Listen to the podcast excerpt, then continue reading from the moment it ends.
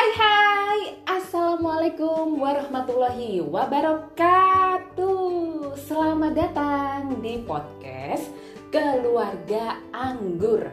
Ini adalah sebuah podcast yang temanya adalah tentang parenting Yang semoga bisa menjadi sarana bagi kita semua nih bagi saya, bagi Anda-anda para ayah, para bunda, para calon ayah dan calon bunda untuk bisa sama-sama belajar menjadi orang tua yang terbaik buat anak-anak kita. Nah, gimana kabarnya ayah bunda?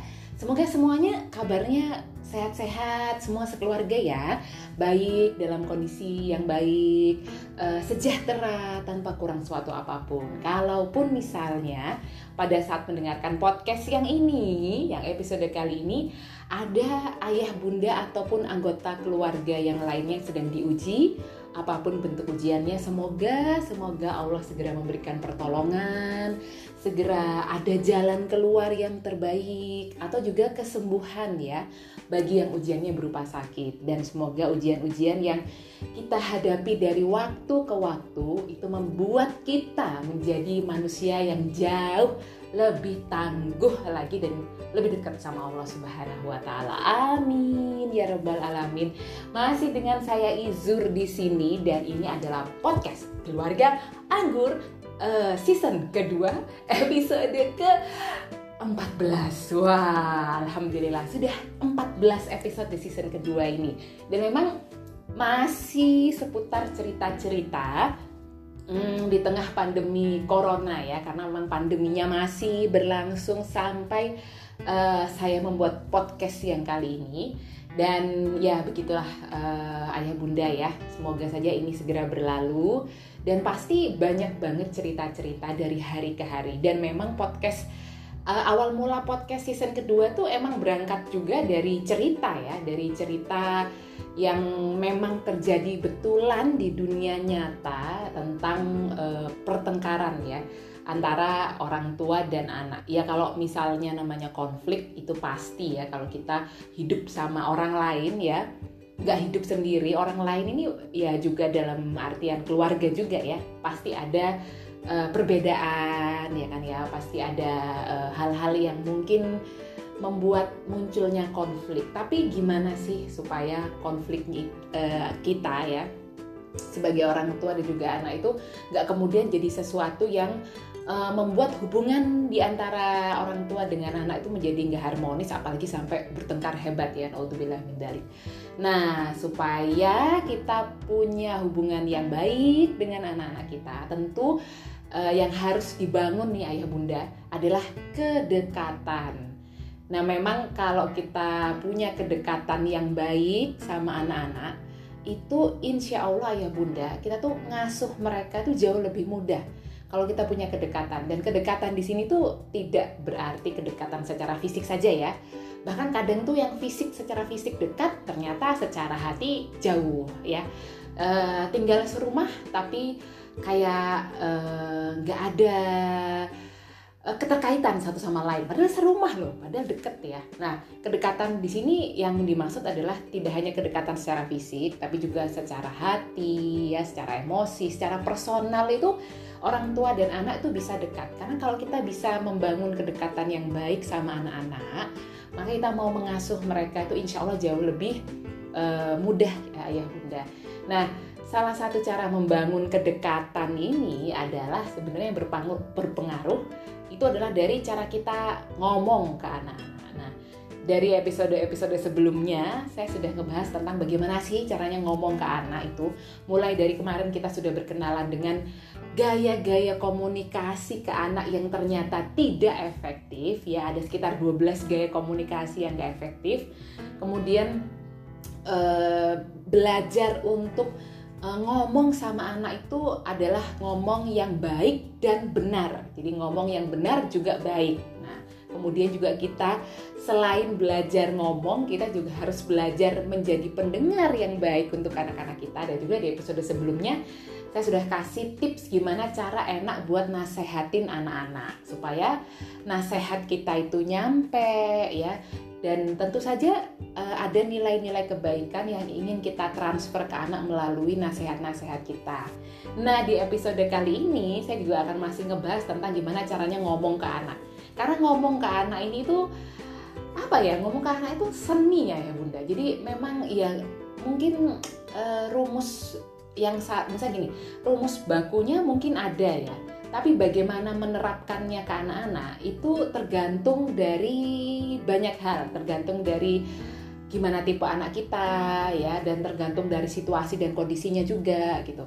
Jadi ini seni nih sebenarnya pinter-pinternya ayah bunda ini membangun kemampuan ngomong ke anak-anak. Nah di episode kali ini saya akan uh, berbagi gimana caranya supaya anak-anak itu mau ngikutin apa yang kita minta karena gini ya bunda, salah satu hal yang menjadi tantangan ya ketika berkomunikasi sama anak itu banyak ya orang tua tuh yang cerita gitu ya kalau misalnya anak-anaknya tuh kok susah banget sih e, nurut ya? Susah banget patuh susah banget bergerak kalau diminta melakukan sesuatu gitu mesti embel-embel kata-katanya apalagi anak-anak zaman sekarang ya. Nah gitu biasanya.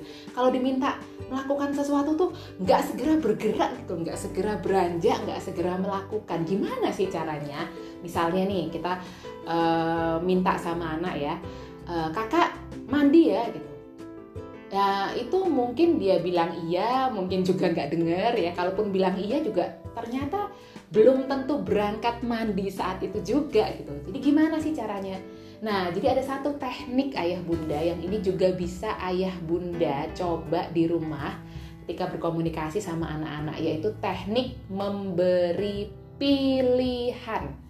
Yang pilihannya ini sebenarnya pilihan tertutup gitu. Jadi apa pun yang dia pilih dari pilihan yang kita berikan kepada mereka itu sebenarnya sama-sama mewujudkan keinginan kita. Contoh, Tadi kalau misalnya kita uh, mau minta anak kita untuk mandi segera, itu daripada kita bilang kakak ayo mandi sekarang cepetan buruan cepet cepet cepet cepet gitu. Atau sudah dikasih tahu dari tadi mandi gak berangkat berangkat masih duduk aja lihat apa belum belum belum belum ya itu kan kita capek sendiri ya. Anak juga mungkin belum tentu beranjak juga untuk mandi dan mungkin dia juga jadi keberisikan ya sama kata-kata kita. Mending kita kasih dia pilihan.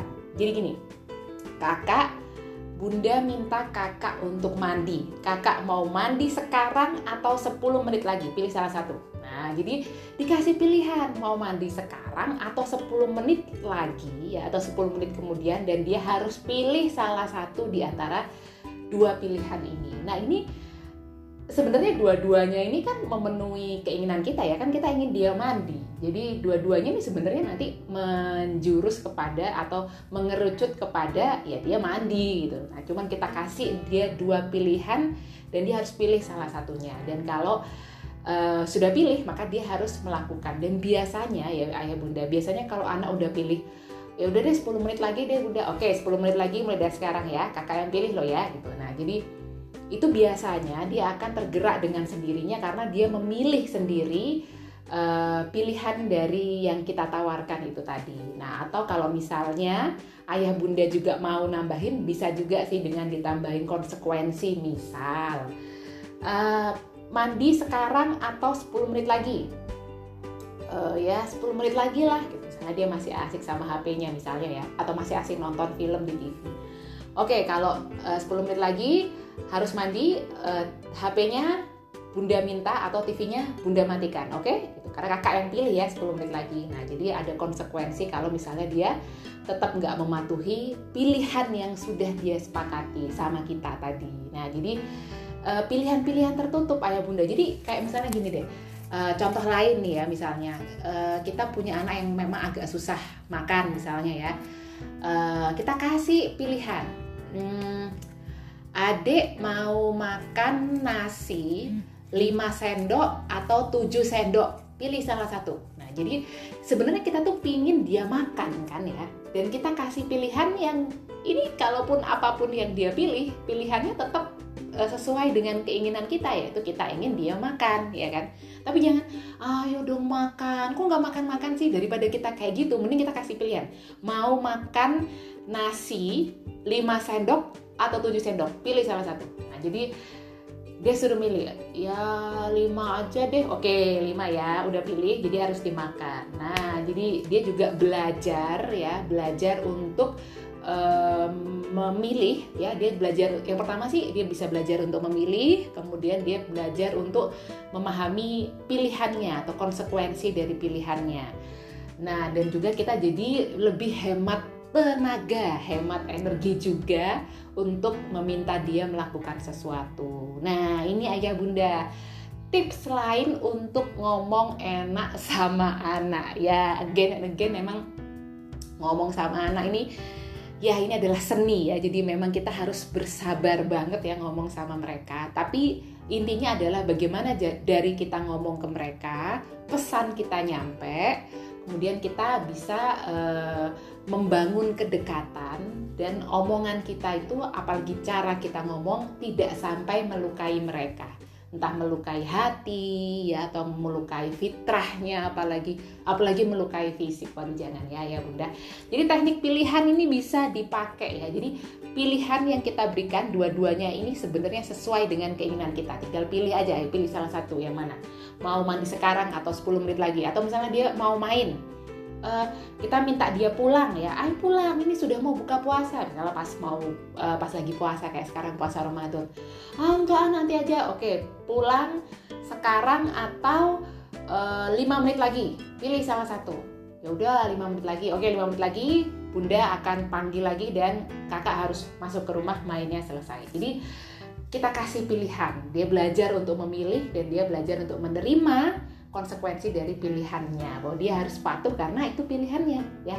Nah begitu ayah bunda. Dan kalau misalnya ayah bunda ada saran-saran masukan kemudian juga ide-ide gimana kalau kita ngebahas tentang ini gitu. Misalnya ah, itu boleh banget ayah bunda sampaikan melalui email saya di zuraidasarnawati86 at gmail.com atau boleh main berkunjung ke Instagram saya di zuraida underscore Sarnawati. Makasih banget ayah bunda yang sudah mampir di podcast keluarga anggur dan setia bersama podcast keluarga anggur. Semoga ada manfaat yang bisa kita ambil bersama dan kita terapkan dalam uh, hal mengasuh anak-anak kita ya. Dan mohon maaf banget kalau ada salah-salah dari saya.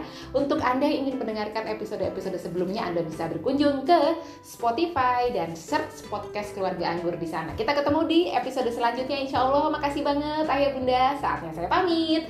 Wassalamualaikum warahmatullahi wabarakatuh dan dadah